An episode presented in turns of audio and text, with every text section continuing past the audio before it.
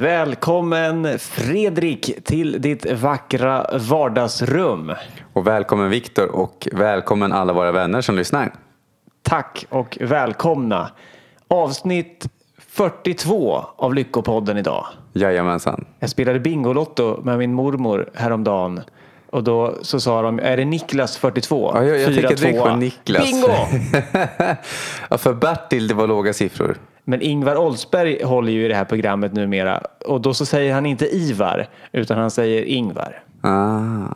Jag gjort. kollar inte på Bingolotto längre så att jag har missat det där. Ja, och det, det, gör du nog, det gör du nog rätt i. Men det var väldigt trevligt att träffa mormor. Men nu är det ju inte mormor vi ska prata om. Eller ja, det skulle det kanske kunna bli. Vi får se vart vi hamnar. Vi ska prata om betydelsen av att ha en förebild. Och det skulle kunna vara inom vilket område som helst. Men eh, den här podden brukar ju handla om självutveckling och att må bättre. Men jag skulle säga att man kan, jag försöker ju ofta ha förebilder inom alla områden som jag vill utvecklas inom. Är ett exempel att du har att jag vill ha bättre relationer, då försöker jag hitta någon som redan har reflekterat över eh, relationer, som kanske har, har skrivit böcker om relationer och såklart också ska ha en bra relation. Då. Det är sant. Och då kanske min mormor blir en, en bra förebild. Eh, Jag, alltså alla människor, om vi, det kanske är ett bra tänk att på vilket sätt kan den här personen, inom vilket område kan den här personen vara min förebild? Mormor är alltid så himla glad när jag kommer och, och hälsa på henne. Eh, och när hon får besök. Så det, det är väldigt kul att åka och hälsa på mormor. För jag känner mig alltid väldigt välkommen dit. Och också att eh, ofta så här med, med nu gäspar du här. På vilket sätt kan, kan du vara en förebild för mig då? Att man kan vara jätteglad och trevlig även om man, även om man är lite trött. Jo men tillbaks till... Sära på att gäspa det inte har med dig att göra. precis, just det. Då lärde du mig det. Jo men ehm, nu kom jag av mig lite i gäspningen här. Mormor. Ja, glädjen i att, att, att hon alltid är så, så trevlig och välkomnande när jag kommer och hälsar på henne. Och jag behöver inte ringa mormor innan jag kommer och hälsar på henne. Och i dagens med mina, mina mer jämnåriga kompisar så är det ju den här att man, man stämmer av allting på telefon eller på, på sms och, och man så här, men eh, vi kan inte ens bestämma så här, jag kommer till dig på onsdag klockan halv sju utan då är det så här, nej men vi, ja men vi säger på onsdag, då ses vi, men du kan väl höra av dig innan. Och du vet att den här spontana att komma och bara hälsa på någon. Det har, det, det, I alla fall i mitt liv så håller det på att försvinna ur. Så då blir mormor en förebild. Vad, vad, har, du för, vad har du för förebilder? Ja, många av förebilderna jag har följer jag genom Youtube eller internet eller författare eller böcker och sådana saker. Sen har jag ju människor runt omkring, nära vänner, flickvännen. De är också förebilder på olika plan. Det som gör mig extra liksom, intresserad och inspirerad att prata om det här ämnet det är att att vi, vi, det, när jag var liten och spelade hockey då var det liksom givet att jag skulle ha en idol. Att eh, kolla på Peter Forsberg eller vem det nu skulle kunna vara. Och, och, och att eh, man kan se skådespelare eller liksom kända personer att vi, att vi ser upp till dem.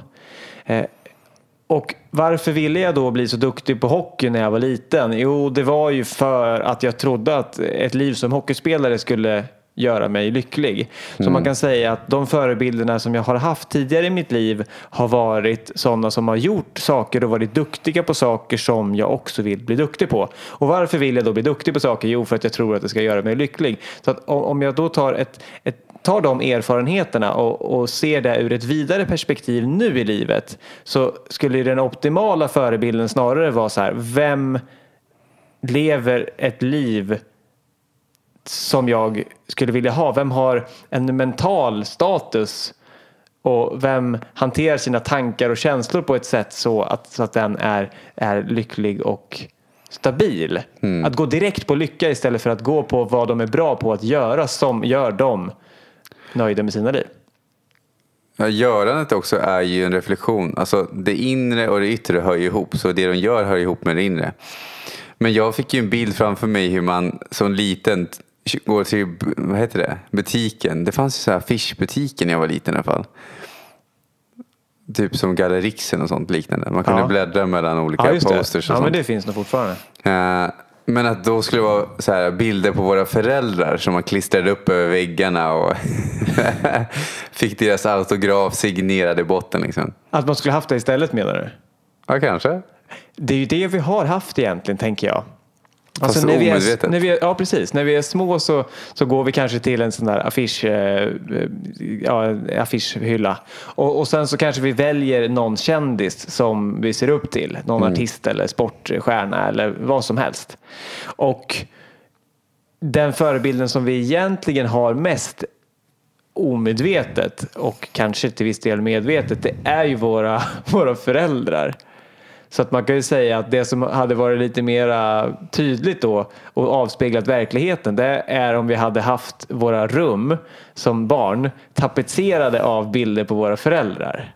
Herregud. Det hade ju faktiskt speglat vilket inflytande de har över oss.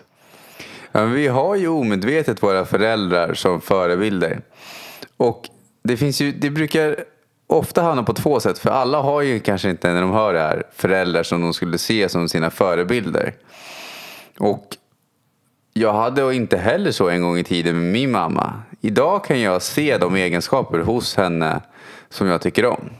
Sen visst, jag, jag tycker inte jag håller inte med henne om allt. Men det behöver jag inte göra. Jag har nog aldrig träffat en människa jag håller med om allt på. Vad tänker du om dina föräldrar?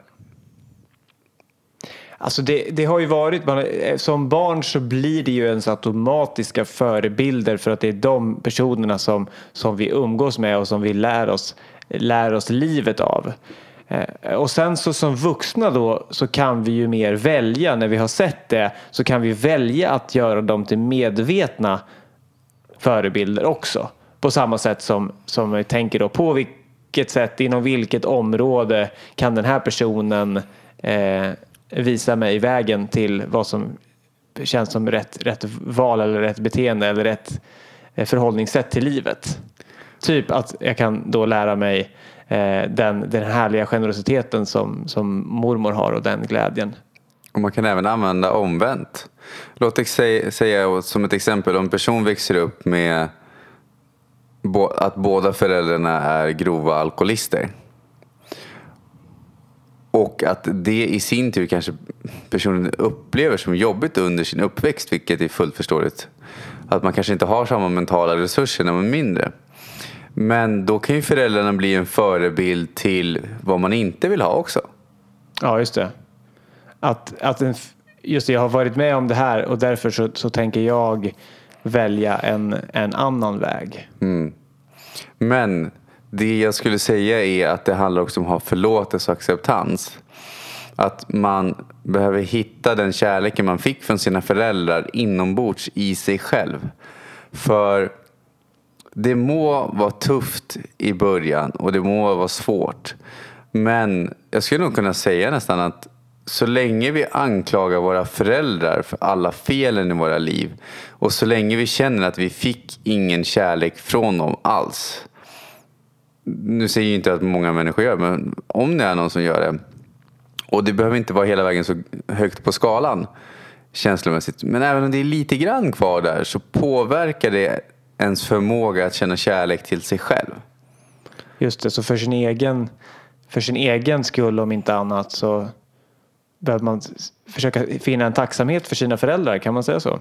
Ja, det bästa jag... Jag har glömt bort vad citatet kommer ifrån. Men jag gillade det var, det var att, att, att vara arg eller irriterad på någon annan och förvänta sig att de ska drabbas av det. Det är som att själv gå och dricka gift och hoppas att någon annan dör av det.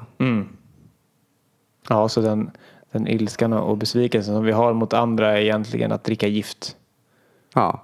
själva. Så att vi, vi, när vi förlåter människor så handlar det att vi ska ju också förlåta dem. Kanske inte alltid bara för deras skull men framförallt i stort sett är det ju för vår skull som vi förlåter dem. För någonstans så ligger det en för, och så länge inte vi kan göra det så är det ju någonting som triggas och drar ner vårt humör och våra, alltså påverkar våra känslor. Har man ett, en jobbig händelse, trauma eller någonting sånt så brukar jag själv tänka att låt säga att under en dag så har du 100% energi Du har hittat på saker. Du är liksom, om 100% är glad. Och under dagen så kanske du har något minne som tar, man tänker äh, det, det var inte så farligt. Men det har tagit 1% av din energi den dagen. Och så håller du på sådär. Så du har lite andra olika minnen som man aldrig reder ut. Och då blir det att 1, 2, 3, 4, 5, 10, 20 procent. Men det kanske försvinner 20-30 procent när man slår ihop alla de här grejerna under en dag med alla olika saker som man har haft. Och helt plötsligt så har man förlorat en tredjedel av sin energi under en hel dag. Mm. Och sen så undrar man varför man är så slut på kvällen. Ja, och den enda förloraren i det är ju en själv. Ja.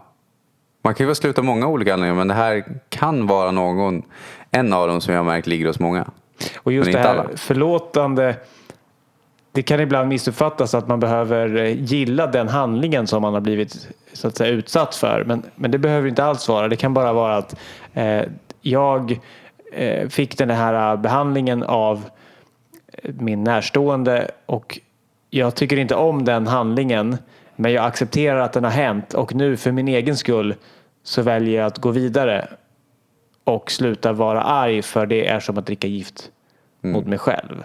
Det behöver alltså inte betyda att vi har, har rättfärdigat att, att det var rätt eller bra eller att vi önskar att det skulle hända igen.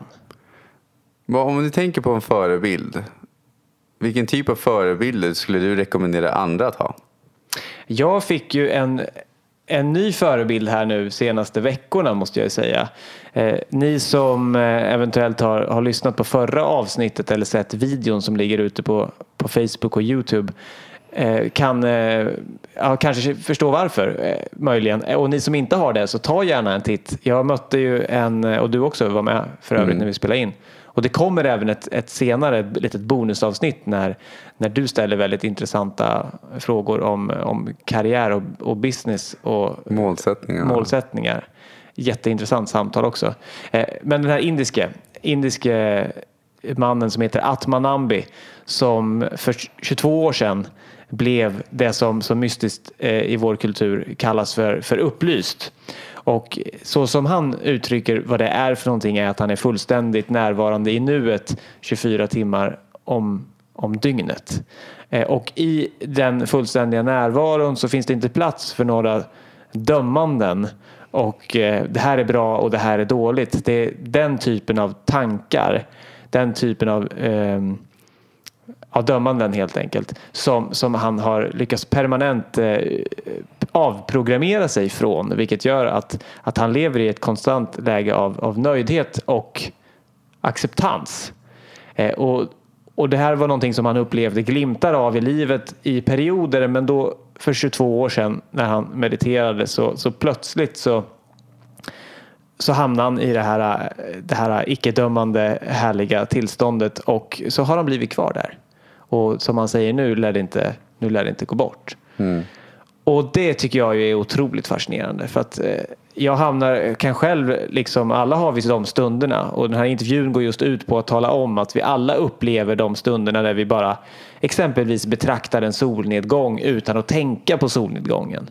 Vi, vi bara har ett kort ögonblick där vi fångas av någonting. Och sen kanske tanken kommer, åh vad vackert det här är. Eller och snart kommer det ett regnmoln som kommer skymma den här. Och då är vi på väg därifrån. Eh, Men, men den här första bara upplevelsen bara boom, eller som vi också sa i intervjun, om man, om man har blivit rånad eller ens hem har blivit upp och nedvänt. Och det första som händer när man kommer in genom dörren och bara, bara gapar, så vad har hänt? Va? Så blir det lite tyst här. Och att, att det egentligen är vårt naturliga tillstånd. Och sen så börjar vi tänka på, men nu är ju min dator borta eller mitt fotoalbum är borta. Vad ska jag göra? Jag har ingenstans att bo. Och det är alltså en värdering i det. Att så här, nu är datorn borta, det är dåligt. Nu har jag ingenstans att bo, det är jobbigt. Vad ska hända sen? Eller så kanske någon tänker att det var bra att, att allt är borta eller att mitt hus har brunnit upp. Nu får jag en bra försäkring. Och då är, då är ju det att man tycker att det är bra. Så, så allt det här går ut på att man bedömer någonting som, som något jag vill ha och då vill man ha mer av det. Eller någonting som jag inte vill ha och då vill man ha, ha mindre av det. Eh, Så det, det här är min förebild, min nya förebild. En, en människa som har, har lyckats nå fullständig acceptans i livet och kvar blir då en, en harmoni som vi pratar om ibland. Det här eh, inre harmonin som, som är grunden där alla andra upplevelser eh, stiger ur så att säga.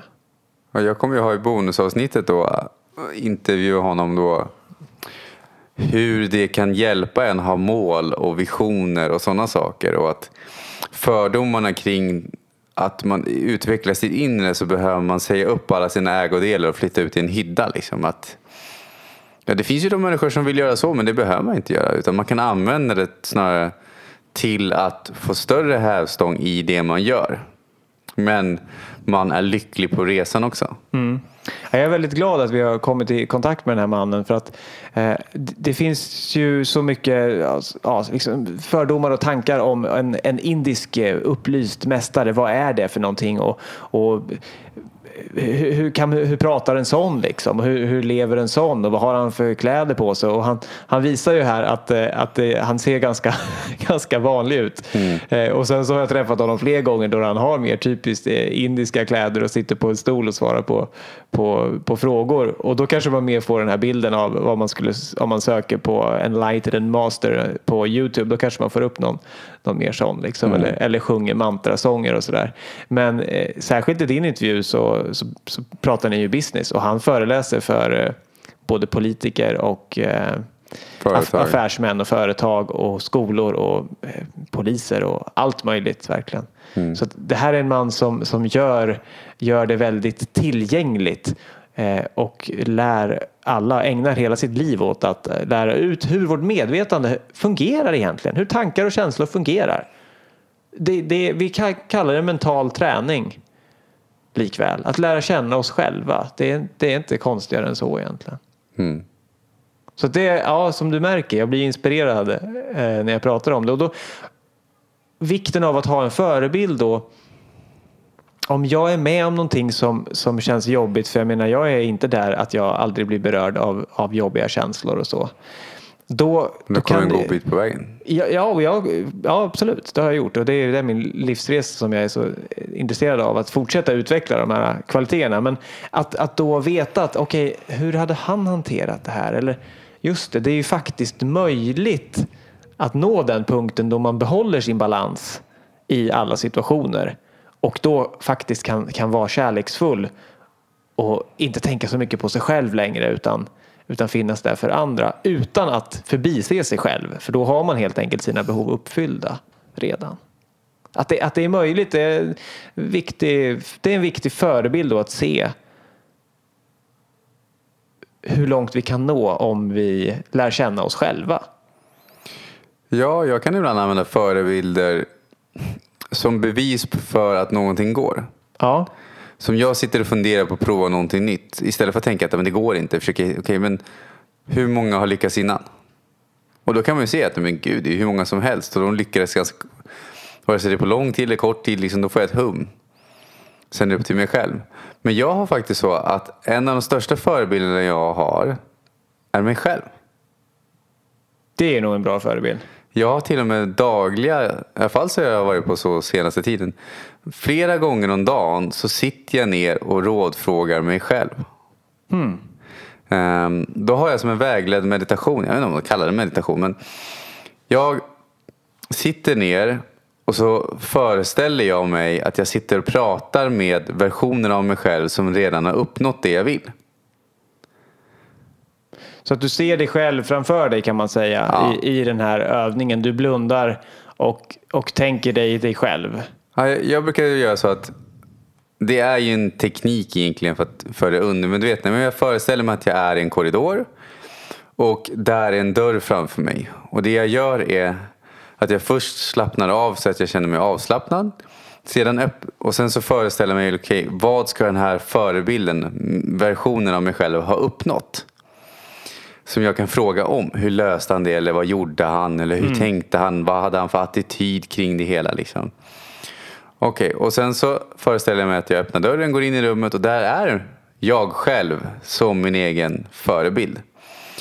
Och då ställer jag ju frågor utifrån ett perspektiv att jag har svaren. Mm. Just det, då skulle det kunna vara att man är med om, om någonting utmanande jobbigt i sitt liv. Och så skulle man kunna visualisera den här äh, korridoren och en dörr och sen så träffar jag helt enkelt den versionen av mig själv som redan nu vet hur, hur jag klarade av att ta mig igenom den här perioden och kanske redan, redan nu kan berätta om vilka lärdomar som jag fick av att gå igenom det här. Och kanske säger att eh, så här nu i efterhand så, så, är jag glad att jag var med om det här för att det här har lärt mig det här och det här. Mm. Och, och eh, det gjorde mig starkare än tidigare att, att vara med om det här. Då kan man få se det här perspektivet redan innan. Och det är fantastiskt det där. Och det kanske kan låta flummigt men det ger ju ledtrådar. Grejen är så här att en av anledningarna till att jag använder den är för att många gånger så har vi, har vi en självbild som har tagit oss dit vi är idag. Och det finns ju, jag tror det är Einstein, jag vet inte om det var han som sa det, men det är så att, att göra samma sak om och om igen och förvänta sig ett annat resultat är första tecknet på galenskapen och sånt. Liksom. Mm, just det. Uh, det var inte exakt så, men det var något han, liknande. Han har sagt något, något liknande i alla fall. Ja. Och då tänker jag så här, om jag försöker, och han har även sagt så här att man kan inte lösa ett problem från samma tankesätt som man skapade det. Och därför sitter jag där och tänker att om jag sitter fortfarande och tänker att jag har inte lösningen, jag kan inte, jag vet inte alla de här grejerna. Då är jag fast i att jag kan inte, jag vet inte. Då blir ju det min sanning. Mm. Men om jag istället tänker, tänk om jag visste. Om jag hade en version av mig själv som visste och jag frågade den. Och då blir det också att vi skapar en dissociation. Alltså vi blir inte uppslukade av våra egna känslor. För när vi tänker våra egna tankar är det lättare att man blir uppslukad av dem. Mm. Men det är lättare om man frågar någon annan. Då blir det lite som att man ger råd till någon annan. Och vi vet ju att det är lättare att ge råd till någon annan än till sig själv många gånger. Ja, det finns ju inget svårare än att få syn på sig själv. Men varför inte då föreställa sig att man är sig själv som ger råd till sig själv? Man kopierar sig själv, man duplicerar sig själv helt enkelt. Ja, precis. Till två versioner och så kan man prata med varandra. Ja. Och helt plötsligt har man sin bästa vän i sig själv, inom sig själv. Precis. Att den där övningen, jag har gjort den för länge sedan, men det är inget som jag har kommit ihåg att ha kvar i mitt vardagliga i min vardagliga verktygslåda. Men det, det tror jag att det är dags att, att plocka upp den igen. Jag är, anledningen till att plocka fram den i min verktygslåda, för på sistone så att så har jag olika förebilder men jag har liksom inte hittat någon information som jag kan använda i mitt liv. Mm. Alltså det blir att jag har förebilder som jag sett har lyckats med de saker jag är intresserad av. Men jag har liksom kollat på YouTube och internet och alla de här och jag har inte hittat någonstans någonting som förklarar hur jag ska gå tillväga exakt. Mm. Eller hur jag ska tänka, eller vad är det som är viktigt och alla de här grejerna. Så därför blir det att men då får jag fråga mig själv då. Kan, kan du känna ibland med förebilder att, att om vi har någon förebild som är lite, lite för, som är ganska nära dit vi vill komma, som har lyckats med det. Eh, att, att det finns två typer av förebilder. En förebild är någon som är ungefär där, där jag vill vara. Eh, och det liksom känns fullt möjligt men att det kan vara lite störande att jag inte redan är där. Att det kan väcka den, den tanken hos mig att här, varför är jag inte redan där? Att det kan bli en liten otålighet. Och sen en annan typ av förebild som är så otroligt, alltså någon som är världsbäst på någonting. Att jag kan ha lättare att inspireras av den förebild som är extremt bra. För då får jag ingen prestationsångest att, att jag borde vara lika bra. Ett annat exempel kan, kan vara när jag spelade hockey som liten och eh, om någon i samma lag exempelvis är bättre än mig då kan det bli som en konkurrenssituation och att jag då liksom stör mig lite på att den är bättre. Medan om någon i årskullen över mig är bättre så är det bara som det ska för den är ett år äldre och då har jag lättare att använda den som en förebild för där kommer inte egot och lägger sig i. Jag säger att jag borde redan vara där nu. Ja, men faktiskt när du säger det på det sättet så kan jag känna igen lite. Det är inte så mycket nu men när jag tänker på barndomen var det mer så. Mm. Att jag tror det kommer från en tankesätt av brist. Att man alltså istället för att tänka på vad är jag bra på, hur kan jag bygga upp de egenskaperna så jämför man med varför någon annan är bättre. Jag tror att om jag skulle fokusera mycket av den energin på att faktiskt bli bättre på de sakerna jag gör och använda den andra människan som inspirationskälla, då skulle jag ganska då har jag möjligheten att gå om. Just det. Det som kommer upp hos mig då är skillnaden mellan att se någon som en konkurrent och som en förebild. Mm. Och tänk om vi har förmågan, tänk, vi har ju faktiskt valet. Tänk om vi gör valet att se alla som är bättre än oss på någonting som förebilder istället för som konkurrenter. Då, då, då slipper vi ju den där egodelen av oss som liksom måste kämpa med ilska för att lära sig någonting istället för att kämpa med äh, inte kämpa alls utan inspireras till att, att höja sig en nivå. Ja, och, alltså jag märker ju själv där att jag får ibland höra människor som säger så här, det är lätt för dig att säga, du, har, du, du är ju sån. Och då kan jag ibland säga, ah, ska jag behöva dra hela min historia liksom? Uh, de använder, de jämför, istället för att jämföra med vart de kan komma så jämför de med mig vart jag är. Och då får jag brukar säga att jag har hållit på i många år med det här nu. Det är klart jag är före då i sådana fall. Ja, det är som att, för att fortsätta på mina enfaldiga hockeyliknelser, det är som att säga att, att liksom, ja men, men han den här spelaren Peter är Forsberg ju, Peter Forsberg är ju bara, han, han har ju bara den där, den där eh, skridskoåkningen eller, eller mm. vad det nu skulle kunna vara. Han har ju aldrig tränat. Nej precis, visst han har ju säkert en, en enorm grundtalang men han har ju tränat, han har ju slitit som ett djur. Om någon lägger samma tid så det är omöjligt att inte bli ganska lite duktigare i alla fall än vad man var. Mm. Ja. Jag tror ett bra sätt som jag kan göra är att titta på andra för att inspireras av vart du kan komma. Det kan du göra. Och jämför med dig själv vad du var för tre år sedan för att känna tacksamhet. Mm. Ja, för tack, tacksamheten är viktig i livet alltid. Men jag tänker också att vissa jämför med andra för att känna sig bättre. Jämfört med andra. Mm. Men jag brukar istället titta på att om du vill framåt, titta på. Då, då kan du också titta på vad du själv och din bild av dig själv, var du vill komma. Och du kan även inspireras av andra människor. Men om det är så att du vill förbättra sätt att känna sig, ah, men jag har faktiskt kommit en bit på vägen. Jämför inte med andra då att, ja titta jag är nog bättre än den här. Utan istället titta på att, shit, tänk dig hur jag var för tre år sedan. Tänk hur långt, mycket jag har vuxit, hur mycket jag har lärt mig. Och tänk vad jag är idag jämfört med det. Mm. Och då bygga upp en tacksamhet för att man faktiskt har vuxit. Mm. När vi började det här programmet så tänkte jag lite att kan det vara så kanske att det inte finns så mycket bra förebilder, alltså att jag inte har så många runt omkring mig nära och kära som, som är liksom lyck, lyckliga. Eh, och det där är ju bara ett begrepp då, men så, som är stab, stabilt är mentala. Ja. Eh, har verktyg till att tackla livets upp och nedgångar med bibehållen stabilitet. Det kanske är det som är Eh, Eh, lite mera precis benämning eller lite djupare benämning av vad, vad är det att vara lycklig för det är något som vi ofta bara slänger oss med. Eh, och eh, jag är inte uppvuxen med så många runt omkring mig som arbetar så mycket på, på det mentala välmåendet.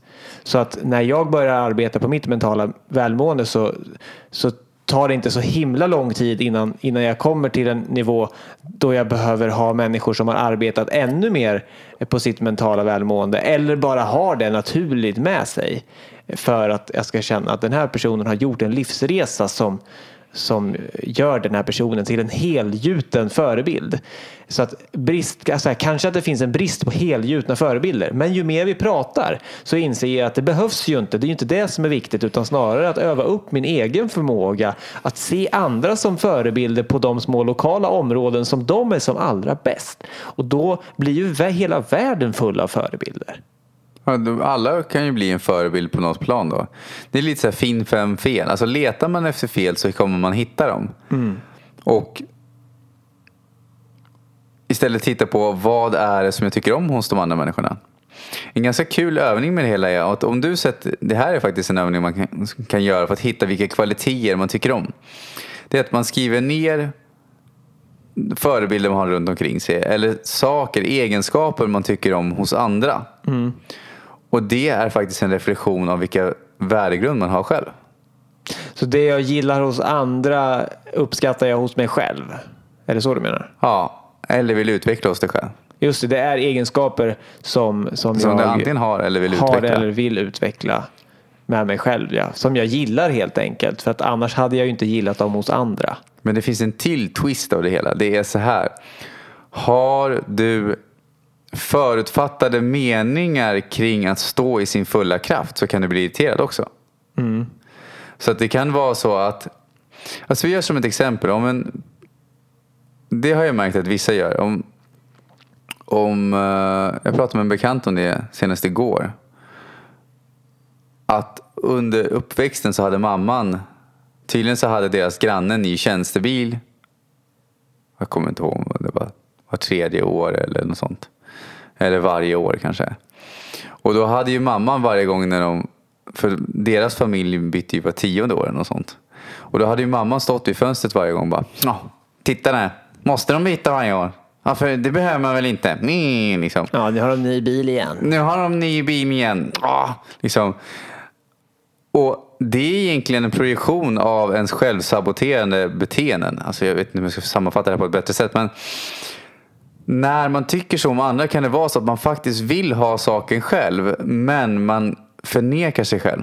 Ja, man unnar inte någon annan det som man har svårt att unna sig själv. Precis. Och då får man se den bitterheten hos sig själv komma upp till ytan då kanske.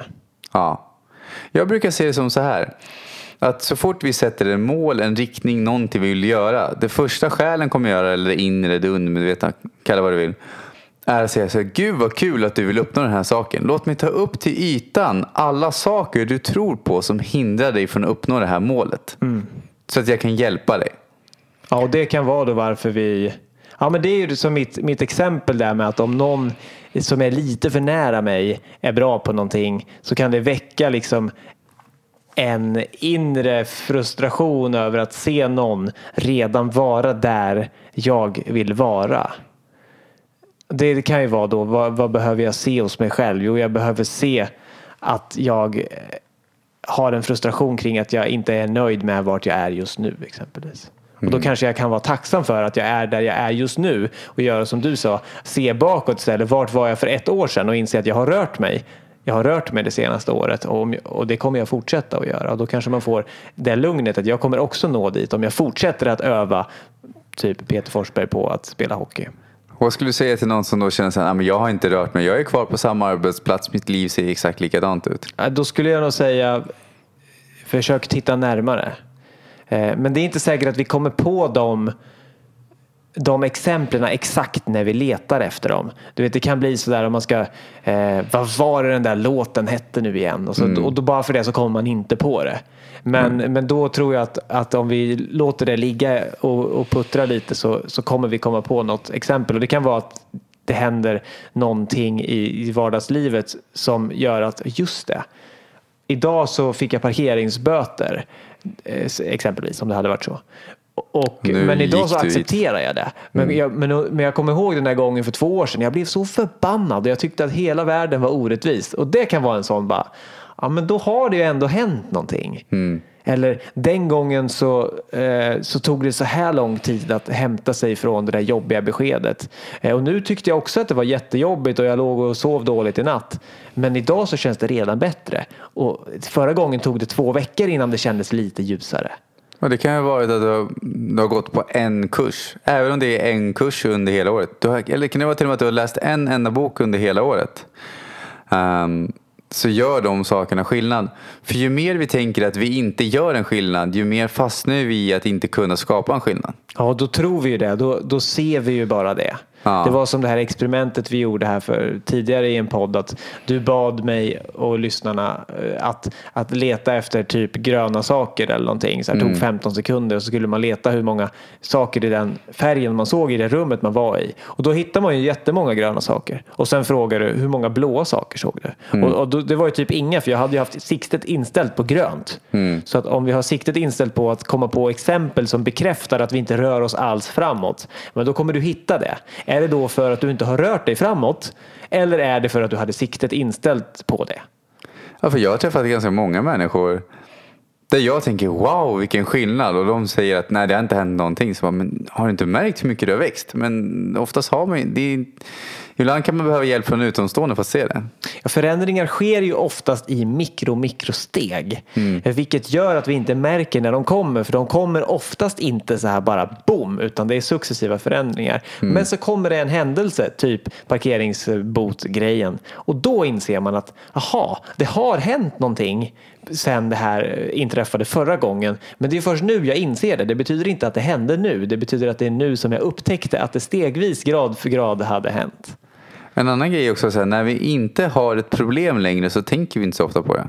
Nej. Jag vet ju själv, jag har använt olika mentala verktyg. Jag gjorde det med en kompis för länge sedan.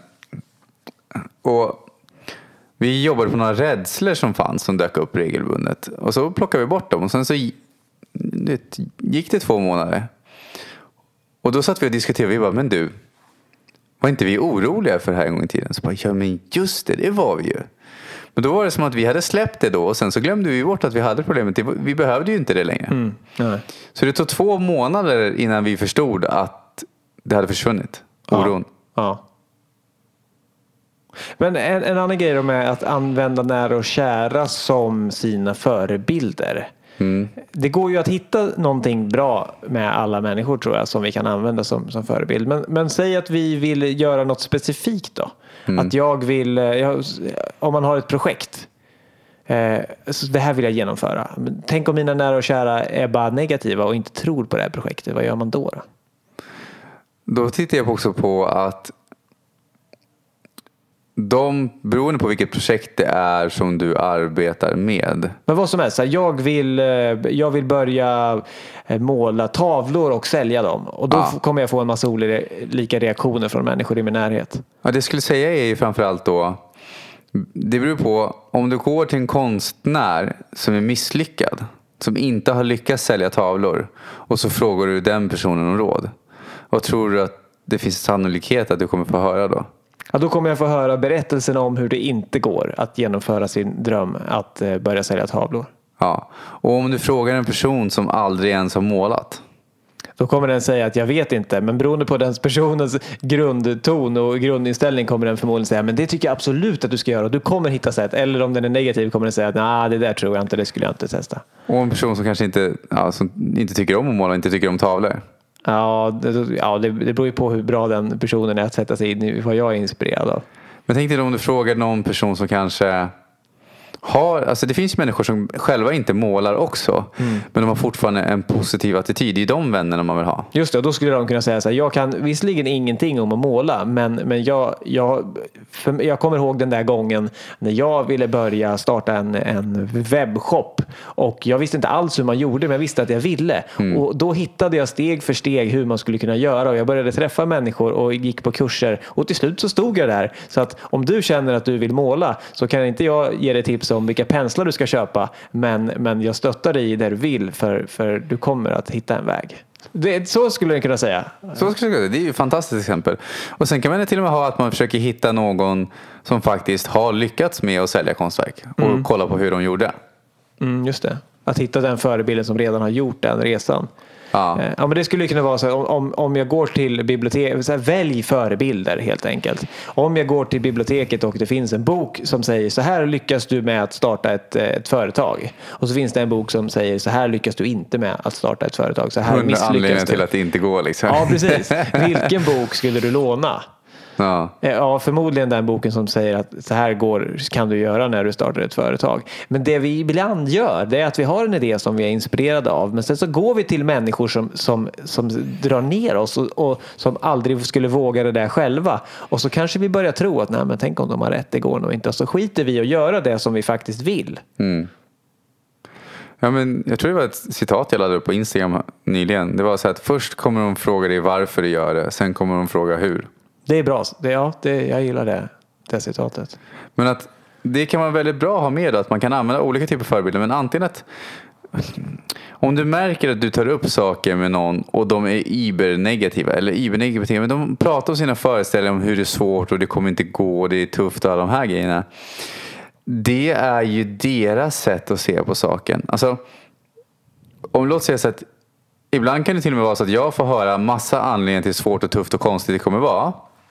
Men jag vill fortfarande göra det. För i min värld är det inte så tufft som de säger det. Och det kan också vara ett sätt ibland att om man, om man får någon som lyfter fram de jobbiga sakerna då kan man ju ibland känna att så här, ja, den här personen lyfter fram det och det kan ligga någonting i det men det skiter jag i. Alltså, man kan ibland få testa sin egen eh, passion och inse att den här, jag är fortfarande lika sugen trots att den här personen bara är negativ och det kan ju säga någonting om vilken, att jag är på rätt spår. Mm. Att det använder jag uttrycket ibland, att välj en, en smärta som du är värd att omfamna. Att all, alla stora projekt eller drömmar eller vad du nu än vill göra, mm. det kommer Eh, Eh, och även inre förvandlingar förstås. Det kommer att, att finnas motgångar men om du har valt det som du verkligen vill då kommer du se den motgången som någonting som du vill, vill och är beredd och har kraft att ta dig över. Så välj en smärta som du är värd att omfamna. Vilken, vilket område är du, värd att, eh, är du beredd att möta motgångar och ändå ta dig förbi dem? Och vilket område kommer du bara ge upp så fort du kommer på en motgång för då, då kanske det inte är rätt område. Jag, brukar, jag har en liknande. Jag brukar säga så att oavsett vad du väljer att göra kommer det finnas problem du behöver lösa. Ja. Alltså, det spelar ingen roll. Så välj de problemen du tycker är kul. Mm. Ja. Sen kan de, man, ibland i vissa punkter i mitt liv så växer jag och alltihop och jag kan tycka det är jobbigt men jag har fortfarande ett engagemang och det är fortfarande roligt på något plan. Liksom. Mm. Och vissa dagar kanske man känner att nej, det här är helt hopplöst men man har fortfarande någonting som driver en framåt. Vad, finns det något, något särskilt som du vill liksom eh, ta med dig här eh, i, i, mot slutskedet av detta program? Uh, det är att de du följer behöver inte leva som de lär på alla plan. Mm. Att, att, eh, ja, som sagt, jag tänkte ju att det kanske är eh, svårt att hitta rätta förebilderna idag för att vi är så fokuserade på det yttre och att, att lyckas och att göra istället för på det inre, att vara nöjda och att, att vara tacksamma. Men eh, så har jag insett då, ju mer vi har pratat, att det, det, det finns förebilder precis överallt och vi kan välja att se människors eh, positiva sidor och då, då finns de i överflöd. Ja, det kan vara en sån sak att de inte tycker om sig själva men de är bra på att laga mat. Så inspireras man och tänker att men det, så där vill också laga mat. Mm. Men då behöver man inte säga nej jag får inte lära mig att laga mat av den här personen för den har dålig självkänsla. Alltså det, mm. det går ju inte. Och så kan man ju också säga jag ska inte bli som sure gubben eh, Rune eller sure damen Runa. Mm jag, jag ska bli tvärtom. Att, att här, jag tycker inte om, om eh, stark mat så därför lär jag mig att laga god mild mat istället. Mm. Jag men också det när folk kommer, om man är så att man har människor runt omkring sig även som kanske kommer med problem så kan man ju lyssna på dem. Men man behöver inte välja att ta till sig deras tunga energi kring det. Alltså att, låt säga så här att jag tänker att ja, men för att bli vältränad så behöver jag gå till gymmet tre gånger i veckan som ett exempel. Då. Och så frågar jag någon annan, ja, men vad, vad har du för tips då? Och om de skulle då säga så här, ja det är jättetufft och det är ansträngande och du kommer inte ha tid och du måste planera och det är så jobbigt. Att titta på då, inte deras så här det är mer så här, vad är det du faktiskt behöver göra? Inte att det är jobbigt och det är tufft och det är ansträngande. Det är ju vad de tycker. Det behöver inte jag tycka. Utan vad är det jag faktiskt behöver göra? Så jag inte tar med deras åsikter om hur det kommer kännas. Mm. Och vi kan ha jättebittra människor runt om oss. Det handlar inte om att vi ska halshugga dem och säga du är inte värd att finnas och inte värd att vara med. Eh, vi kan vara vän med vem som helst. Vi kan vara vän om vi känner att vi klarar av det med, med någon som har jättelåg energi men vi behöver inte se den personen som vår främste lärare. Vi behöver inte ta efter den låga energi men vi kan ha fantastisk medkänsla med den personen ändå. Jag brukar tänka så. När jag, känner mig, när jag mår riktigt bra då känner jag vem kan jag dela den här härliga energin med? Och så, vem kan jag muntra upp som inte mår så bra? Mm. Eh, och om jag inte mår så bra själv då kan jag mer tänka så här, men nu vill inte jag vara med den människan för den kommer dra ner mig. Men ju bättre jag mår ju mer kan jag ju sprida den där glädjen. Ja men det är egentligen så vill jag sammanfatta att den du ska jämföra dig mest med är dig själv. Mm. Alltså ha, skapa en bild av dig själv som den du vill vara. Och använd, om du går och kritiserar alla runt omkring dig så är det förmodligen för att du kritiserar dig själv mm. väldigt ofta. Det blir din egen förebild. Jag gillar verkligen den här när man kan se, se den versionen av sig själv som redan har tagit sig igenom det man vill ta sig igenom och som på andra sidan eh, bäcken kan tala om hur, hur, hur värdefullt det var att, att ta sig över och säga vad som finns där på andra sidan. För kan man se det vackra i sig själv så kan man se det vackra i andra också sen. Ja. Men jag tänkte också så här att ta upp att eh, vi vill tipsa om ett nytt samarbete som vi har med ett företag som heter Nextory. Jag lyssnar själv väldigt mycket på ljudböcker. Ja, De du har är även e-böcker. Du är ljudbokens eh, ambassadör. Du pratar alltid om någon ny ljudbok. Ja. Jag är mer gammaldags pappersbok. Ja. E-böcker brukar jag läsa ibland också. Nej men eh, att vi kan erbjuda er via Nextory att testa de 30, jag var nära på att säga månader, men det är väl lite väl, 30 dagar kostnadsfritt. Och då har de faktiskt väldigt mycket ljudböcker och inspiration där som man kan ta del av. Jag gillar själv den källan. Ehm, Vi, vi, vill bara, vi vill dela med oss av någonting som vi själv tycker är värdefullt och inte bara ha eh, reklam eller sponsring för sakens skull. Så det, det man gör då, hur gör man för att ta del av det här? Då går man in på lyckopodden.se tips och där finns det en knapp som leder till Nextory som man kan testa. Just det. Jag hade själv svårt att komma ihåg, vad heter det, Next Story? Och, så ska man bokstavera det där. Men eh, du går in på www.lyckopodden.se tips och då behöver du inte kunna bokstavera ingenting. Och så klickar du på länken där. Och det som händer då är att du får en månad gratis e-böcker och det som händer för Och oss ljudböcker. eh, Ja, precis. Är att vi, vi får några kronor så att vi kan fortsätta att göra den här härliga podden och samtidigt ge er möjligheten. Eh, Jag tror att man kan nog få någon sorts provabonnemang ändå, men man får det dubbelt Ja, du- så länge ja, om Du man får kör med dubbelt oss. så lång prov och prövotid, vad kallar man det? Ja, Ja. prövotid. Och det är vår enda deal med dem. Vi har inte lovat dem att säga att det här är världens bästa företag eller någonting. Vi säger bara gå in och prova om du vill och Mm. hitta något som inspirerar dig. Ja, och med det får jag tacka för idag och önskar er alla en fantastisk vecka. Ja, ha en fantastisk vecka. Världen är full av förebilder, inte minst inom dig själv. Jajamensan. Tack ska ni ha. Hej då. Hej då. Du är min förebild Fredrik. Tack.